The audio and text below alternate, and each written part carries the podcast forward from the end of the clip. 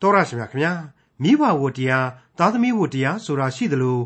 သားသမီးတွေလိမ္မာရင်မိဘတွေဟာစိတ်ချမ်းသာကြည်နူးရသလိုသားသမီးတွေစိုးတဲ့အခါမှာတော့မိဘတွေဟာအင်မတန်မှဝမ်းပန်းတနေဖြစ်ကြရတာအမှန်ပါပဲရင်မှဖြစ်တဲ့ရင်းနှစ်သီးကြသားသမီးယရနာတွေဟာမိဘတွေအတွက်ဘယ်လောက်ရေးပါတယ်ဘယ်လောက်တက်ရောက်မှုရှိတယ်ဆိုတာကိုဒီကနေ့တင်ပြရသောတမချန်းအစီအစဉ်မှာလေ့လာမှဖြစ်တဲ့ ခရိယန်တမချန်းဓမ္မဟောင်းကျမ်းပိုင်းတွေကတုတ်တန်ကျမ်းအခန်းကြီး30မှာတွေ့ရမှာဖြစ်ပါတယ်။ထာဝရဘုရားကိုကြောက်ရွံ့သောသဘောသည် အသက်တာကိုရှည်စေတတ်၏မတရားသောသူ၏နှစ်ပေါင်းကာလမူကားတူတတ်၏လို့လည်းဖော်ပြထားပါတယ်။ဒါပေမဲ့ဖျားရှင်ကိုကြီးညိုယိုသေးကိုးကွယ်ကြသလိုယိုသေးထိုက်သူကိုယိုသေးလေးစားထိုက်တဲ့သူကိုလေးစားတနာထိုက်တဲ့သူကိုတနာကြတဲ့သူတွေလည်း အသက်အရွယ်ငငယ်ရွယ်ရွယ်နဲ့ဆုံးမသွားကြတာကိုဘယ်လိုပြောမလဲလူဘဝအသက်တာမှာကောင်းတဲ့သူတွေလည်းစောစောစီးစီးသေးတာပဲမကောင်းတဲ့သူတွေလည်းအသက်ရှည်တတ်ကြတာကြောင့်တုတ်တန်ကျမ်းအခန်းကြီး30မှာဖော်ပြတဲ့ဖျားရှင်ရဲ့အဆိုအမိန့်ဟာမှားများနေသလားလို့ဆိုလေမှာလားဒီအကြောင်းဆန်းစစ်ရင်တုတ်တန်ကျမ်းအခန်းကြီး30ကိုဒေါက်တာထွန်းမြတ်အေးကအခုလိုသုံးသပ်တင်ပြမှာဖြစ်ပါတယ် တင်သိရသောတမန်ကျမ်းရဲ့မိတ်ဆွေတော်တတ်ရှင်အပေါင်းတို့ခမညာဒီကနေ့အတွက်ကတော့သုတ်တန်ကျမ်းအခန်းကြီး30ကိုကျွန်တော်တို့ဝင်ရောက်လာပါပြီ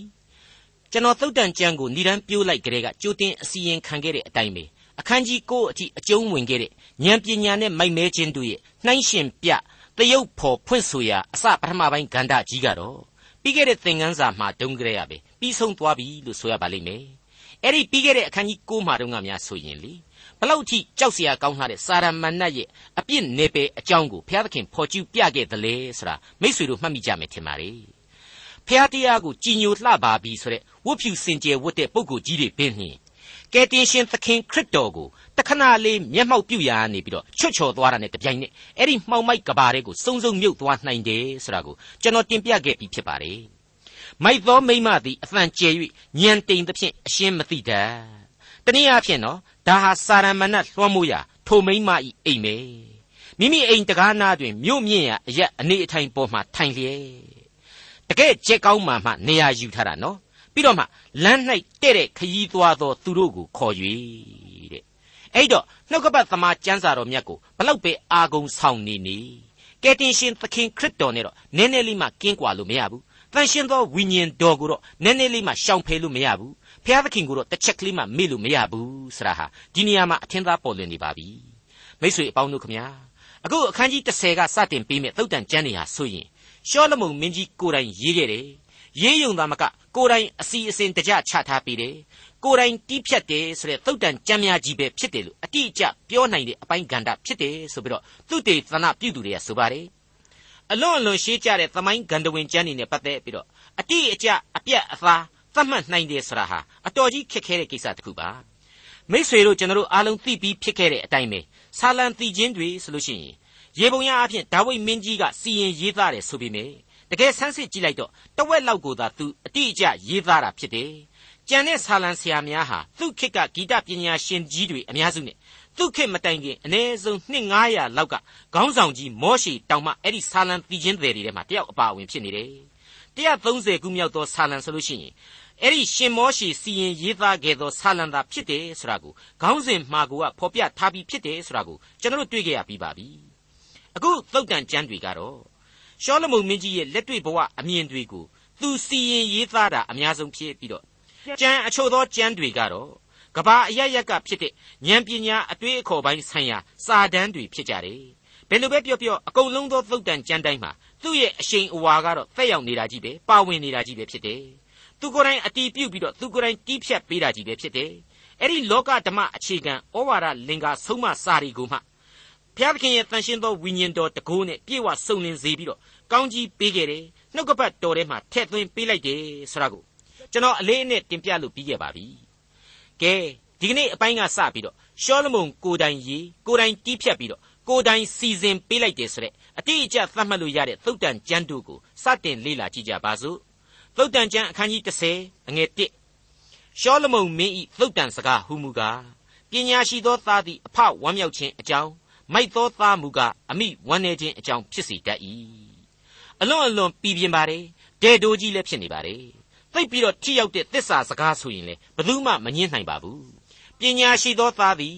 အဖဝမ်းမြောက်ခြင်းအကြောင်းမိုက်သောသားမူကားအမိဝမ်းနေခြင်းအကြောင်းကိုဖြစ်စေတတ်၏တဲ့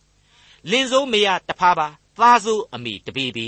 တဲ့အမှန်တော့ဘသူပဲဆိုဆိုအဲ့ဒီလူစိုးကြောင့်တော့တဆွေလုံးတစ်မျိုးလုံးတအိမ်လုံးစိတ်ညစ်ကြရတယ်ဆိုတာဟာသဘာဝပါပဲဒါပေမဲ့အခုအပိုင်းအခြားမှာကတော့လူငယ်ကလေးတွေကိုဘဝတက်ကတူကပမောက္ခကြီးတယောက်ကဆုံးမတဲ့သဘောမျိုးဖြစ်နေတဲ့အတွေ့လူငယ်လေးတယောက်အကြောင်းကိုပဲဥတီရည်ညွှန်းပါတယ်သားတယောက်ပညာရှိမယ်ဆိုရင်အဖေပြောရမယ်မျက်နှာပွင့်ရမယ်ဝမ်းမြောက်ဂုဏ်ယူရလိမ့်မယ်အဲ့ဒီလိုမဟုတ်လို့ သားတယောက်မွေးထားပြီးတော့ပညာလည်းမတတ်ဖျားသခင်ကိုလည်းမကြောက်စိုးသွမ်းတေးပေနေမယ်ဆိုရင်တော့သူ့ဖခင်ကြီးခမရမှာကိုမျက်နှာကိုဓာတ်နဲ့ပြန်လှီးပစ်ချင်လောက်ဖြစ်ပြီးတော့မိခင်ခမရမှာလည်းဒီသားကြောင့်ဒူးနဲ့မျက်ရည်သုတ်ရပြီတဲ့မှန်ပါတယ်လက်တွေ့ဘဝမှာကျွန်တော်မိဘတွေဟာဒီအတိုင်းပဲဖြစ်နေရပါတယ်ပတ်ဝန်းကျင်ကိုရှုမှတ်လိုက်ရင်လည်းဒီအတိုင်းပဲတွေ့မြင်နေရတယ်လို့ကျွန်တော်ဆိုချင်ပါတယ်ဒီနေရာမှာလူလင်ပြိုလုံမပြိုကလေးတို့ကိုကျွန်တော်ထပ်မံသတိပေးချင်တာကတော့ မိဘကအရှက်သာကွဲရတယ်မျက်နှာသာပြည့်ရတယ်တကယ်ဒုက္ခလှလှကြီးရောက်မှာကတော့ကိုယ်တိုင်ပဲဆိုတဲ့သစ္စာတရားပါဟုတ်ပါတယ်သင်သည်ပညာရှိလျင်ကိုယ်တိုင်အကျိုးကိုခံရလိမ့်မည်မချီမဲ့မြင်ပြုလျင်ကိုယ်တိုင်သာအပြစ်ကိုခံရလိမ့်မည်ဆိုပြီးတော့ပြီးခဲ့တဲ့အခန်းကြီး၈အငယ်၁၂မှာကျွန်တော်တို့ခြေရှားပြတ်သားစွာတွေ့ကြရပြီးပါပြီဘသူမပြုမိမိမှုစိုက်သည့်အတိုင်းရိပ်ရမည်ဆိုတာဒီအတိုင်းပဲဖြစ်ပါတယ်သုတ်တန်ကျမ်းအခန်းကြီး30အငယ်1မတရားသောဥစ္စာဗန္တာသည်အကျိုးမရှိ ဖြောင့်မတ်ခြင်းပါရမီမူကားသေခြင်းမှကယ်တင်တတ်၏အလွတ်ကျက်ပြီးတော့မကြာခဏရေရွတ်နေတတ်တဲ့ဆောင်ပုဒ်တစ်ခုလိုပါပဲသိပ်ပြီးတော့ပြည်ပြင်းရှင်းလင်းမှုရှိနေပါတယ်အတိတ်ပဲလဲနှစ်ခွမရှိပါဘူးမဟုတ်တန်တရားစီးပွားရေးတွေကိုရှာမစားကြပါနဲ့လောကီလောကုတ်တရားနှစ်ဖြာစလုံးအတွက်အကျိုးမရှိနိုင်ပါဘူးတဲ့ပြက်ပြက်သားသားသတိပေးလိုက်ပါတယ်ဖြောင့်မတ်ခြင်းပါရမီဆိုတာကတော့သေခြင်းကနေတောင်မှကဲတင်နိုင်စွမ်းရှိတယ်တဲ့အဲ့ဒီလိုဖော်ကျူးလိုက်ပါတယ်မှန်ပါတယ် သခင်ခရစ်တော်ပေးခဲ့တဲ့ကယ်တင်ခြင်းကျေးဇူးဆရာဟာသေခြင်းမှထမြောက်စေသောတရားဖြစ်ပါတယ်သူကိုယ်တိုင်ပမာဆောင်ခဲ့တဲ့သေခြင်းမှန်ကိုအောင်မြင်ခွင့်လည်းဖြစ်ပါတယ်အပြစ်ရှိသောလူသားတိုင်းဟာအပြစ်နဲ့ဘယ်လို့မှမလွတ်နိုင်မကျွတ်နိုင်ပေမဲ့သူ့ကိုယုံကြည်ခြင်းအဖြစ်ဖြောက်မှတ်ခြင်းအခွင့်ကိုရတယ်အဲ့ဒီဖြောက်မှတ်ခြင်းအဖြစ်လေကယ်တင်ခြင်းကျေးဇူးကိုခံစားရခြင်းပဲဖြစ်ပါတယ်သုတ်တန်ကျမ်းအခန်းကြီး30အငယ်3ဖြောက်မှတ်သောသူကိုငတ်၍သေစေခြင်းဟာထာဝရဘုရားသည်အခွင့်ပေးတော်မမူ မတရားသောသူတို့၏အရမအမှုကိုကဖျက်ဆီးတော်မူ၏ဒီအချက်နဲ့ပတ်သက်လို့တော့သိတောင်မှကြဲကြဲပြန့်ပြန့်ရှင်းနေเสียလို့တော့မထင်ပါဘူးရှင်မသက်ခရစ်ဝင်ကျမ်းအခန်းကြီး6အငယ်28ကနေ34အတွင်းမှာပြန်ဖတ်ရင်ရှင်းနေအောင်တွေ့နိုင်ပါသေးတယ်ကယ်တင်ရှင်သခင်ခရစ်တော်ကိုတော်တိုင်ဖော်ပြခဲ့တဲ့စကားသံတွေပဲဖြစ်ပါတယ်အဝတ်အဖို့၌အဘယ်ကြောင့်စိုးရင်ရသနည်းတောနှင်းပွင့်တို့သည်အဘယ်သို့သောအဖြစ်ကြီးပွားသည်ကိုဆင်ခြင်အောင်မိကြလော့ထိုအပင်တို့သည်အလုတ်လဲမလုတ် ချီဖြစ်စေခြင်းဟာမငင်မဝင်းသို့တော်လည်းဘုံကြီးသောရှောလမုန်မင်းကြီး၏အဝတ်သည်ထိုအပင်တပင်မျှ၏အဝတ်ကိုမမှီဟုငါဆို၏ယုံကြည်အားနည်းသောသူတို့ယနေ့အဖို့အသက်ရှင်လျက်နက်ဖန်မိဖို့တဲသို့ရောက်သောတောမြက်ပင်ကိုဘုရားသခင်သည်ထိုသို့သောအဝတ်နှင့်ဖုံးလွှမ်းတော်မူလျင်ထိုမြတ်မကသင်တို့ကိုအဝတ်နှင့်ဖုံးလွှမ်းတော်မူမည်မဟုတ်လောထိုကြောင့်အဘယ်သို့စားတော့ရအံ့ဤအဘယ်သို့ဝိရအံ့ဤဟု၍မစိုးရင်ကြနှင့် ထိုအရာများကိုသာသနာပလူတို့သည်ရှာဖွေတတ်ကြ၏ထိုအရာများကိုသင်တို့သည်အသုံးလိုကြောင်းကိုကောင်းကင်ဘုံ၌ရှိတော်မူသောသင်တို့အဖသည်သိတော်မူ၏ဖျားသခင်နိုင်ငံတော်နှင့်ဖြောင့်မတ်ခြင်းတရားတော်ကိုရှေးဥစွာရှာကြလော့နောက်မှထိုအရာများကိုထပ်၍ပေးတော်မူလတံထိုကြောင့်နက်ဖြန်အဖို့မစိုးရင်ကြနှင့်နက်ဖြန်နေ့သည်မိမိအဖို့စိုးရင်လိမ့်မည်ယခုနေ့၌ရှိသောမကောင်းမသင့်သောအရာသည်ယခုနေ့ဖို့လောက်ပေ၏ ကျွန်တော်တို့ကဘာဦးကျမ်းတဲကယောသက်ကလေးရဲ့ဘဝအသက်တာကိုပြန်ပြီးတော့ကြည့်မယ်ဆိုရင်ဖြောင့်မတ်ခြင်းပါရမီရှိခဲ့တဲ့ဒီလူငယ်ကလေးကိုဒုက္ခဆင်းရဲခြင်းတွေအမျိုးမျိုးတဲကဘုရားသခင်ဟာဤအမျိုးစုံနဲ့ကယ်နှုတ်ခဲ့ပုံတွေကောင်းကြီးပေးခဲ့ပုံတွေကျွေးမွေးခဲ့ပုံတွေသူ့အဖြစ်ဣသရေလလူမျိုးတွေကိုတောင်မှဆက်လက်ပြီးတော့ကောင်းကြီးပေးခဲ့ပုံတွေကိုကျွန်တော်တို့တွေ့နိုင်မှာဖြစ်ပါတယ်တစ်ချိန်တည်းမှာပဲမတရားသောသူဖြစ်တဲ့သမိုင်းဝင်ပုဂ္ဂိုလ်ကြီးတွေအရမပြုလုပ်လာပြီဆိုရင် ဘယ်လိုဘယ်လိုနည်းတွေနဲ့ကြံကြံဖန်ဖန်ဒုက္ခတွေဆိုက်ခဲ့ရတယ်ဆိုတာကိုလေပြန်လဲအမှတ်ရနေကြဖို့လိုပါတယ်သုတ်တန်ကျမ်းအခန်းကြီး30အငယ်၄ပြင်းရည်သောသူသည်ဆင်းရဲခြင်းလုံလဝရိယရှိသောသူသည်ကြွယ်ဝခြင်းသို့ရောက်တတ်၏ချင်းချင်းချိန်ချိန်ခံယူကြရမယ်ကြံဖြစ်ပါတယ်လုံလဝရိယရှိပြီးတော့ကြွယ်ဝခြင်းကိုခံစားရတယ်ဆိုတဲ့နေရာမှာကောင်းသောသမာအာဇီဝအမှုမြင့်မြတ်တန်ရှင်သောစီးပွားရှာမှုဆိုတာကိုဖြည့်ဆွက်ကြရပါမယ် မတရားသောဗန္တာသည်အကျိုးမရှိဆိုပြီးတော့အထက်ကဆိုခဲ့ပြီးလို့ပဲဖြစ်ပါတယ်သုတ်တန်ကျမ်းအခန်းကြီး30အငယ်9အသီးသီးသောအချိန်၌သိမ့်ယူသောသူသည်ပညာရှိသောသားဖြစ်၏စပားရိပ်ရာကာလ၌အိတ်တက်သောသူမူကားအရှက်ခွဲတတ်သောသားဖြစ်၏လောကအမြင်မှမလွဲနိုင်တဲ့သစ္စာတရားဖြစ်နေသလိုလောကုတ်တရားဝိညာဉ်ရေးအမြင်တွေလည်းပါဝင်နေတယ်လို့ကျွန်တော်ဆိုချင်ပါတယ်အဖေတယောက်အနေနဲ့အမေတယောက်အနေနဲ့ပင်ပင်ပန်းပန်းအလုပ်လုပ်ရတယ်စိုက်ပျိုးပြုစုတယ် သီးမဲ့ခြင်းရိတ်သိမ်းရမယ့်အချိန်တွေကြတော့သားသမီးတွေဟာဒီလေကွင်းဒီဥယျင်ကိုခုဆွတ်ပေးကြရလိမ့်မယ်တလှည့်ပြန်ပြီးတော့တာဝန်ယူပေးကြရလိမ့်မယ်အဲ့ဒီလိုမှမဟုတ်ဘဲနဲ့အဖေအမေကစိုက်ပျိုးထားတဲ့လေရိတ်သိမ်းခြင်းကလေးရောက်တာတောင်မှလှဲ့မကြည့်တဲ့တာဝန်မဲ့သားသမီးမျိုးမဖြစ်ရဘူးဆိုတာကိုဖော်ပြထားပါတယ်ကျွန်တော်ရဲ့ယုံကြည်ခြင်းသမိုင်းဟောင်းမှာဆိုရင်ဘိုးဘေးဘီပင်တို့ဟာသူတို့ရဲ့တာဝန်တွေအသီးသီးကိုသူတို့ကြေခဲ့ကြပြီးပါပြီဒီယုံကြည်ခြင်းရဲ့အသီးအပွင့်တွေကိုကျွန်တော်ဟာထိုက်ထိုက်တန်တန်ခံယူနိုင်ကြပါစား ပြီးတော့ကိုယ့်အလှည့်ကျတာဝန်ကိုယူပြီးတော့နောက်မျိုးဆက်သစ်တို့အတွက်လည်းယုံကြည်ခြင်းအမွေကိုဆက်လက်ဝေမျှနိုင်ကြပါစားဆိုတာဒီကိုစဉ်းစားစရာကောင်းလှပါလေဒီမေကွန်းကိုပဲကျွန်တော်ဟာပြီးခဲ့တဲ့သင်သိရသောတမန်ကျန်သင်ခန်းစာပေါင်းမြောက်များစွာတို့မှလည်းမေးမြန်းစောကြောခဲ့ပြီးဖြစ်ပါတယ်မိษွေတို့ဆင်ခြင်နှလုံးသွင်းဖို့ရန်တင်ပြခဲ့ပြီးဖြစ်ပါတယ်ဘုရားသခင်ဟာကျွန်တော်တို့အတွက်ကောင်းကင်အမွေကိုပေးတယ်ဝိညာဉ်တော်ဆုကျေးဇူးကိုပြုတော်မူတယ်ပြည့်မီအောင်ကျွန်တော်တို့ခံယူနိုင်ကြပါရဲ့လားဆိုတဲ့မိကွန်းပဲဖြစ်ပါတယ် မိษွေတော်တတ်ရှင်အပေါင်းတို့ခမညာပြီးခဲ့တဲ့နှစ်အတန်ကြာတုန်းကကျွန်တော်မြန်မာနိုင်ငံနှစ်ချင်းအသင်းချုပ်ရဲ့ဆောင်ပုဒ်ကတော့ဝင်းမဲ့လေပြင်းချိန်ရှိစဉ်သခင်မှားခဲ့ရိတ်သိမ်းလှဲဆိုတဲ့ဆောင်ပုဒ်ပဲဖြစ်ပါတယ်အခုသုတ်တန်ကျမ်းအခန်းကြီး30အငယ်9ကဖော်ပြလိုက်တာကတော့အသီးသီးသောအချိန်၌သိမ့်ယူသောသူသည်ပညာရှိသောသားဖြစ်၏စပားရိပ်ရာကာလ၌အိတ်တက်သောသူမူကားအရှက်ခွဲတတ်သောသားဖြစ်၏လို့ဖော်ပြထားပါတယ် အခုသုတ်တန်ကျမ်းအခန်းကြီး30အငယ်6နဲ့9ကိုဆက်လက်နားဆင်ကြကြပါတရားသောသူ၏ခေါင်းပေါ်မှာမင်္ဂလာတက်ရောက်တတ်၏မတရားသောသူ၏နှုတ်ကိုကညှင်းဆဲခြင်းအပြစ်သည်ပိတ်လိမ့်မည်တရားသောသူကိုအောက်မေ့သောအခါကောင်းကြီးပေးတတ်၏မတရားသောသူ၏နာမမူကားပုတ်ပြက်တတ်၏လောကနီတိတစ်ခုတည်းရဲ့ရှုထောင့်တဲကနေတောက်မှမငင်းနိုင်တဲ့တရားတစ်ခုဖြစ်ပါတယ်ဇာပနာဝတ်တွေမှာကျွန်တော်တို့ဆိုနေကြတခြင်းကလေးတစ်ပုဒ်ကိုကျွန်တော်သွားပြီးသတိရမိပါတယ် မိုးတော့ကျင်များဤလင်းရောင်သည်မှေးမိန်ကနေရောင်ချီတွင်ကွယ်ပြောက်သွားကြရသည်နီလောကအလုတ်မှကျွန်ုပ်တို့လွန်သွားစဉ်ပြုခဲ့သမျှဖြင့်သာမှတ်မိကြရမည်ပြုခဲ့သမျှကိုမှတ်မိကြလိမ့်မည်လောကအလုတ်မှကျွန်ုပ်တို့လွန်သွားစဉ်ပြုခဲ့သမျှဖြင့်သာမှတ်မိကြမည်ကျွန်ုပ်တို့မွဲ့ဆူခဲ့သောတစ္ဆာစကားမြေပေါ်တွင်ကျဲဖြန့်ခဲ့သောမျိုးစေ့များကျွန်ုပ်တို့မြေပေါ်မှလွန်သွားကြသောအခါ ကြံခဲ့သူများအောက်မေ့เสียဖြစ်ပါ ပြုခဲ့သမျှကိုမှတ်မိကြလိမ့်မည်လောကအလုတ်မှကျွန်ုပ်တို့လွန်သွားစဉ်ပြုခဲ့သမျှဖြင့်သာမှတ်မိကြမည်တဲ့မိษွေတော်တတ်ရှင်အပေါင်းတို့ဘယ်အတုပအခမ်းအနားမှာမှသေတဲ့လူကိုမကောင်းမပြောကြပါဘူးကောင်းတာပဲရွေးပြောနေကြပါ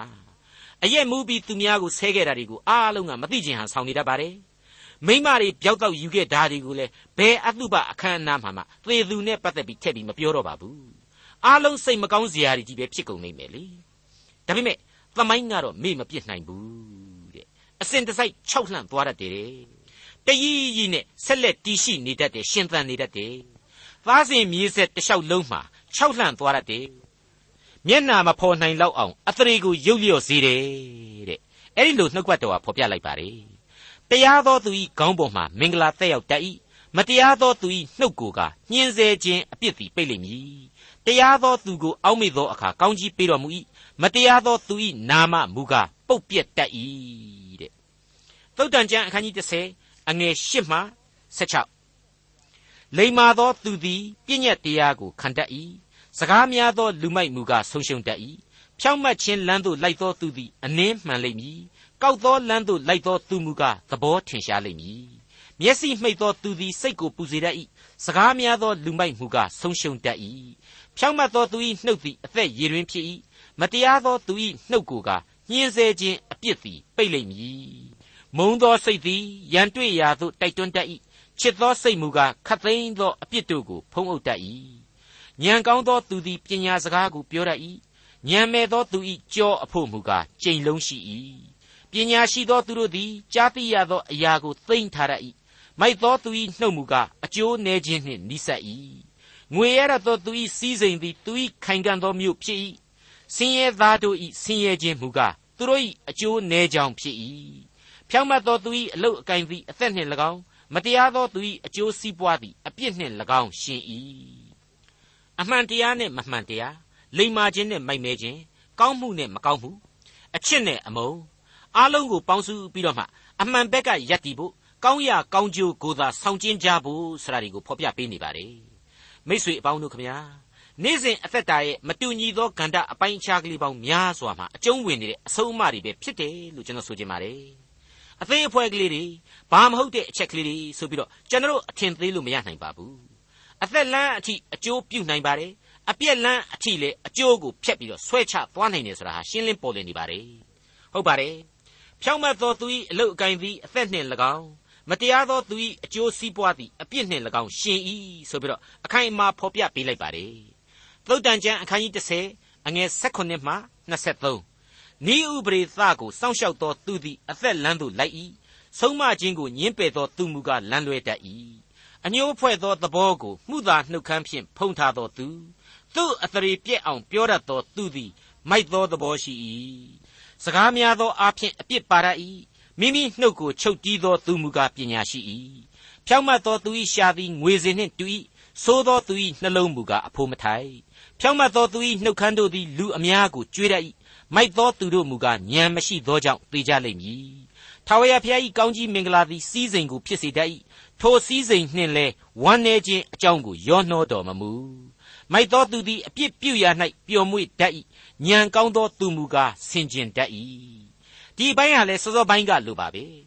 နေ့စဉ်အသက်တာအတွက်ဆင်ခြင်စဉ်းစားရန်အချက်တွေကိုခြုံငုံဖော်ပြထားပါတယ်ဒါပေမဲ့ဒီအပိုင်းမှာနှုတ်ကပတ်တော်ရဲ့သမာတရားလမ်းအတိုင်းလူသားတို့လိုက်သွားမယ်ဆိုရင်ခံစားရမယ့်အကျိုးကျေးဇူးတို့ကြီးမားခြင်းကိုပေါ်လွင်အောင်သိသာထင်ရှားစွာဖော်ပြပေးထားပါတယ်မှုသာနှုတ်ခမ်းပြားများနဲ့အပြစ်စကားတွေစိုးသွမ်းမိုက်မဲခြင်းနဲ့ကောက်ကျစ်စင်လဲခြင်းတွေဟာ သေခြင်းအထိလူကိုဖျက်ဆီးနိုင်တယ်ဆိုတာနဲ့ပတ်သက်လို့ဝိပုယကျမ်းအခန်းကြီး16ထဲမှာငါသည်ထာဝရဘုရားဖြစ်၏ဆိုတဲ့တကိုးတော်ကိုကြေညာခြင်းနဲ့အတူဘုရားသခင်ကိုတော်တိုင်ကမကြိုက်မနှစ်သက်လို့တားမြစ်ခဲ့တဲ့ပြည့်ညတ်တော်အချို့ကိုကျွန်တော်ထပ်မံတင်ပြခြင်းပါတယ်ဝိပုယကျမ်းအခန်းကြီး16အငယ်7ကနေပြီးတော့18အတွင်းမှာကျွန်တော်တို့အခုလိုတွေ့နိုင်ပါတယ်သူ့ဥစ္စာကိုမခိုးရသူတစ်ပါးကိုမလှည့်စားရတယောက်ကိုတယောက်မှုသာစကားမပြောရ ငါနာမကိုတိုင်တည်၍မဟုတ်မမှန်ပဲကြိမ်ဆိုခြင်းကိုမပြုရသင်ဤဖျားသခင်နာမကိုမရှုံချရငါသည်ထာဝရဘုရားဖြစ်ကိုနှင့်ဆက်ဆိုင်သောသူ၏ဥစ္စာကိုမတရားသဖြင့်မသိမ်းရအနိုင်အထက်ပြု၍မယူရသူငှားခံတိုက်သောအခကိုတညလုံးနက်နဲ့တိုင်အောင်မထားရနားပင်သောသူကိုမကြိမ်ဆဲရမျက်စိမမြင်သောသူရှိမှထိမိ၍လဲเสียကိုမထားရသင်၏ဖျားသခင်ကိုကြောက်ရွံ့ရမည်ငါသည်ထာဝရဘုရားဖြစ်၏ တရားတွေ့သည့်အမှုမှာမတရားသဖြင့်မစီရင်ရဆင်းရဲသောသူဘက်၌မငဲ့ကွယ်ကြီးသောသူ၏မျက်နှာကိုမထောက်ဖဲကို့အမျိုးသားချင်းကိုတရားသဖြင့်စီရင်ရမည်သူ့အသရေပြတ်သောသတင်းကိုကြားပြောခြင်းဟာကို့အမျိုးသားချင်းတို့တွင်မလှည့်လေရကိုနှင့်ဆက်ဆိုင်သောသူကိုသေစေခြင်းဟာမကြံစီရငါသည်ထာဝရဘုရားဖြစ်၏သင်ညီအကိုတို့ကိုစိတ်အခုအခံမရှိရကိုနှင့်ဆက်ဆိုင်သောသူ၌ရှိသောအပြစ်ကိုတတ်တိုင်းမရှိစေဘဲ သူ့ကိုအမှန်ဆုံးမရမည်သင်အမျိုးသားချင်းသည်သင်ကိုပြစ်မှားလျင်ကိုယ်တိုင်အပြစ်ပြန်၍မတုံ့ရအညှိုးမထားရကိုနှင့်ဆက်ဆိုင်သောသူကိုကိုနှင့်အမျှချစ်ရမည်ငါသည်ထာဝရဘုရားဖြစ်၏တဲ့ဒါဟာဣသရေလလူမျိုးတော်ရဲ့နိုင်ငံတော်သစ်မတီးမီကလေးကလူအဖွဲ့အစည်းကိုဘုရားသခင်ပြင်းပြင်းထန်ထန်သတိပေးခဲ့တာပဲဖြစ်ပါတယ်ဒါတွေဟာရှင်းနေအောင်ကြားနာခဲ့ကြပြီးတဲ့အချက်တွေပါပဲငါထာဝရဘုရားတဲ့ဒါကြောင့်မလို့ ငါဟာထာဝရဘုရားဖြစ်တဲ့အလျောက်မင်းတို့ဒီအချက်ဒီအချက်တွေကိုအလေးအနက်ပြုဖို့ငါထာဝရဘုရားအနေနဲ့စီရင်ချက်ချမှတ်လိုက်ခြင်းပဲတဲ့သုတ်တန်ကျမ်းအခန်းကြီး30အငယ်24မှ28မတရားသောသူကြောက်တတ်သောအမှုသည်သူ့အပေါ်သို့ရောက်လိမ့်မည်ဖြောင့်မတ်သောသူတောင့်တသောအကျိုးကိုကဘုရားသခင်ပေးတော်မူမည်မတရားသောသူသည်လွန်သွားသောလေပွေကဲ့သို့ပျောက်တတ်၏ဖြောင့်မတ်သောသူမူကား မြဲမြံသောတိုက်မြစ်ဖြစ်၏ပုံရည်သည်သွား၌၎င်းမိโกသည်မျက်စိ၌၎င်းဖြစ်တဲ့ကဲ့သို့ပြင်းရည်သောသူသည်စေလွတ်သောသူ၌ဖြစ်၏ထာဝရဘုရားကိုကြောက်ရွံ့သောသဘောသည်အသက်တာကိုရှည်စေတတ်၏မတရားသောသူ၏နှစ်ပေါင်းကာလမူကားတိုတတ်၏ဖြောင့်မတ်သောသူ၏မျှော်လင့်ခြင်းသည်ဝမ်းမြောက်စရာအကြောင်းဖြစ်၏သို့သောသူ၏မျှော်လင့်ခြင်းမူကားပျောက်ပြက်လိမ့်မည်အခုအပိုင်းကလေးကတော့စကားအသုံးအနှုန်းတွေပြောင်းလဲနေတာကလွဲလို့ ထမမြောက်သောဆာလံကဖော်ပြချက်နဲ့အနှစ်သာရအရအတူတူပဲဖြစ်နေတာတွေ့နိုင်ပါတယ်မတရားသောသူတို့၏တိုက်တွန်းခြင်းသို့မလိုက်လူဆိုးတို့၏လမ်းတွင်မရက်မနေမထီမဲ့မြင်ပြူသောသူတို့၏အစည်းအဝေး၌မထိုင်ထာဝရဘုရား၏တရားတော်ကိုမွေ့လျော်၍တရားတော်၌နင်းညံ့မပြတ်ဆင်ခြင်အောက်မေ့သောသူသည်မင်္ဂလာရှိ၏အကြောင်းမူကားထိုသူသည်မြင်နာမှစိုက်လျက်မိမိအချိန်တန်မှအသီးကိုသီး၍အရွက်မညှိုးနွမ်းတတ်သောအပင်နှင့်တူ၏ပြုလေသမျှတို့၌အောင်လိမ့်သည်မတရားသောသူတို့မူကားထိုကဲ့သို့မဟုတ် လေတိုက်၍လွင့်သောဖွဲနှင့်တူကြ၏ထိုကြောင့်တရားဆုံးဖြတ်တော်မူရာကာလ၌မတရားသောသူတို့သည်မတီမနေရကြဖြောက်မတ်သောသူတို့၏အပေါင်းအသင်းတဲသို့လူဆိုးတို့သည်မဝင်ရကြအကြောင်းမူကားဖြောက်မတ်သောသူတို့၏လမ်းကိုထာဝရဘုရားသိကျွမ်းတော်မူ၏မတရားသောသူတို့၏လမ်းသည်ဆုံးရှုံးခြင်းသို့ရောက်ရလိမ့်သည်အဲ့ဒီလိုမင်္ဂလာရှိသောသူရဲ့အကြောင်းနဲ့မတရားသောသူတို့ရဲ့အကြောင်းကိုပထမမြောက်သောဆာလံဟာပြတ်သားစွာဖော်ပြခဲ့ပြီးဖြစ်ပါတယ် အခုသုတ်တန်ကျမ်းအခန်းကြီး30အငယ်24မှ28အတွင်းကအဆုံးအမနဲ့အနှစ်သာရအရာထူးမခြားနာလို့ကျွန်တော်ဆိုချင်ပါတယ်အခုသုတ်တန်ကျမ်းကဖော်ပြချက်အရာဆိုရင်မတရားတဲ့လူဟာသူကြောက်တတ်တဲ့အမှုကသူ့ကိုကိုယ်တိုင်ပြန်ပြီးတော့ခြောက်လှန့်လိမ့်မယ်သူဟာဒီအမှုကိုမလွဲမသွေပြန်ပြီးတော့ခံစားရမယ်ဆိုတဲ့အချက်စိစိတွေးလိုက်လို့ရှိရင်အတော်ကြီးခြောက်ခြားခြင်းစရာကောင်းတယ်လို့ကျွန်တော်ခံစားမိပါတယ်ရှင်းရှင်းပြောရင်တော့အဲ့ဒီမတရားသောသူကိုယ်တိုင်ဟာကိုယ်တိုင်ကကြောက်နေရတဲ့လူ စိတ်ခြောက်လှန့်ခြင်းတွေရှိနေရတဲ့လူ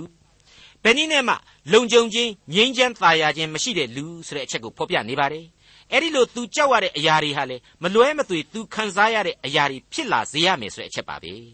ပြီးတော့မှတခါသူ့ဘဝအသက်တာဟာတူတယ်လေပွေကဲ့သို့လွင်ပါတယ်မိโก้လိုပြန့်လွင့်တယ်မျော်လင့်ချက်တို့ပြတ်သုံးရတယ်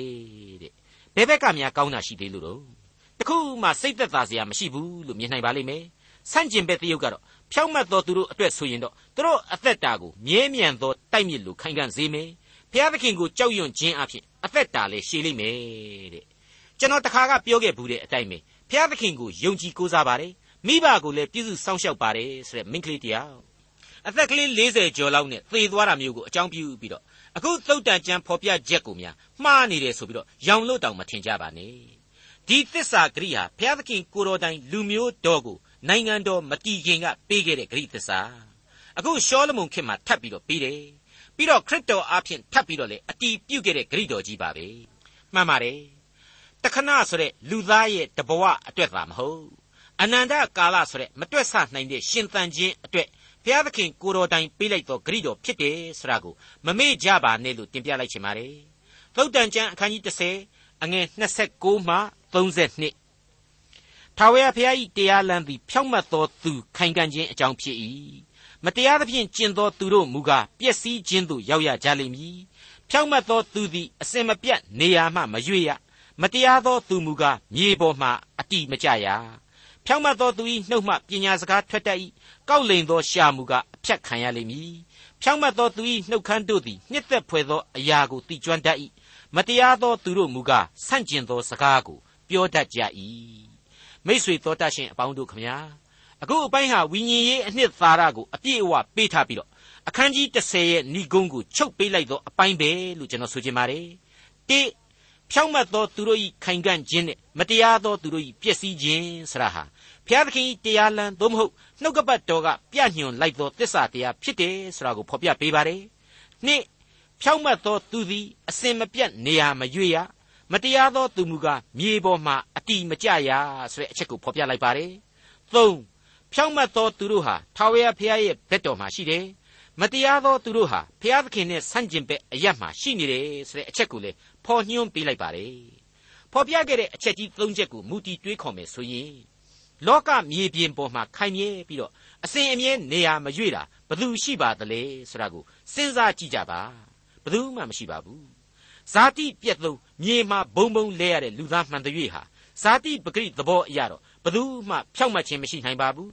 ဒါပေမဲ့ဘုရားသခင်ရဲ့နှုတ်ကပတ်တော်ကပေးစွန်းတဲ့အသက်လမ်းကိုလက်ခံရယူပြီးတော့ဘုရားသခင်ကိုယုံကြည်ကြမယ်ဆိုရင်တော့ဖြောင့်မတ်ခြင်းအခွင့်ကိုရရှိနိုင်ကြလိမ့်မယ်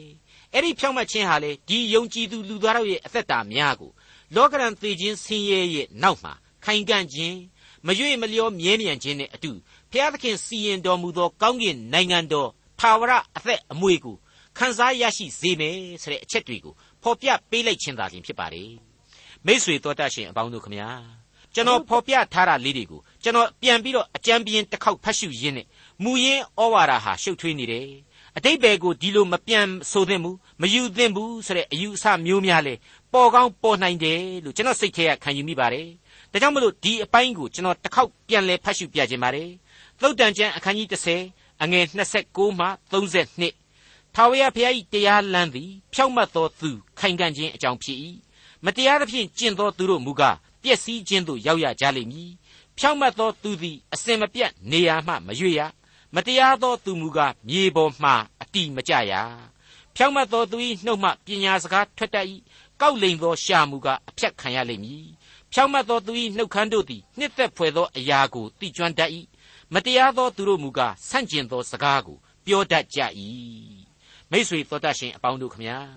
အထက်ကအတိုင်းကျွန်တော်ရှင်းဆိုခဲ့တာတွေဟာနှုတ်ကပတ်တော်ကသိစေခြင်းတဲ့ဝိညာဉ်ရေးသဘောတရားတွေကိုခြုံငုံမိစေလိမ့်မယ်လို့ဒီကြမ်းအားဖြင့်ကျွန်တော်ဆုံးဖြတ်မိပါတယ်။ကောက်လိန်သောရှာမူကအဖြတ်ခံရလိမ့်မည်။မတရားသောသူတို့မူကားဆန့်ကျင်သောစကားကိုပြောရကြ၏ဆိုတဲ့ဖော်ကျူးချက်တွေဟာနှုတ်ကပတ်တော်တမန်တရားကိုမထီမဲ့မြင်ပြုသောသူတွေအားလုံးနဲ့သက်ဆိုင်နေပါတယ်။ ဒီအကြောင်းကိုဆန့်ကျင်ဘက်တရုတ်တီနဲ့လေ့လာလိုက်မယ်ဆိုရင်ကကြီးဖြောက်မတ်သောသူ၏နှုတ်ဟာအသက်ရည်ရင်းဖြစ်တယ်။ခါခွေ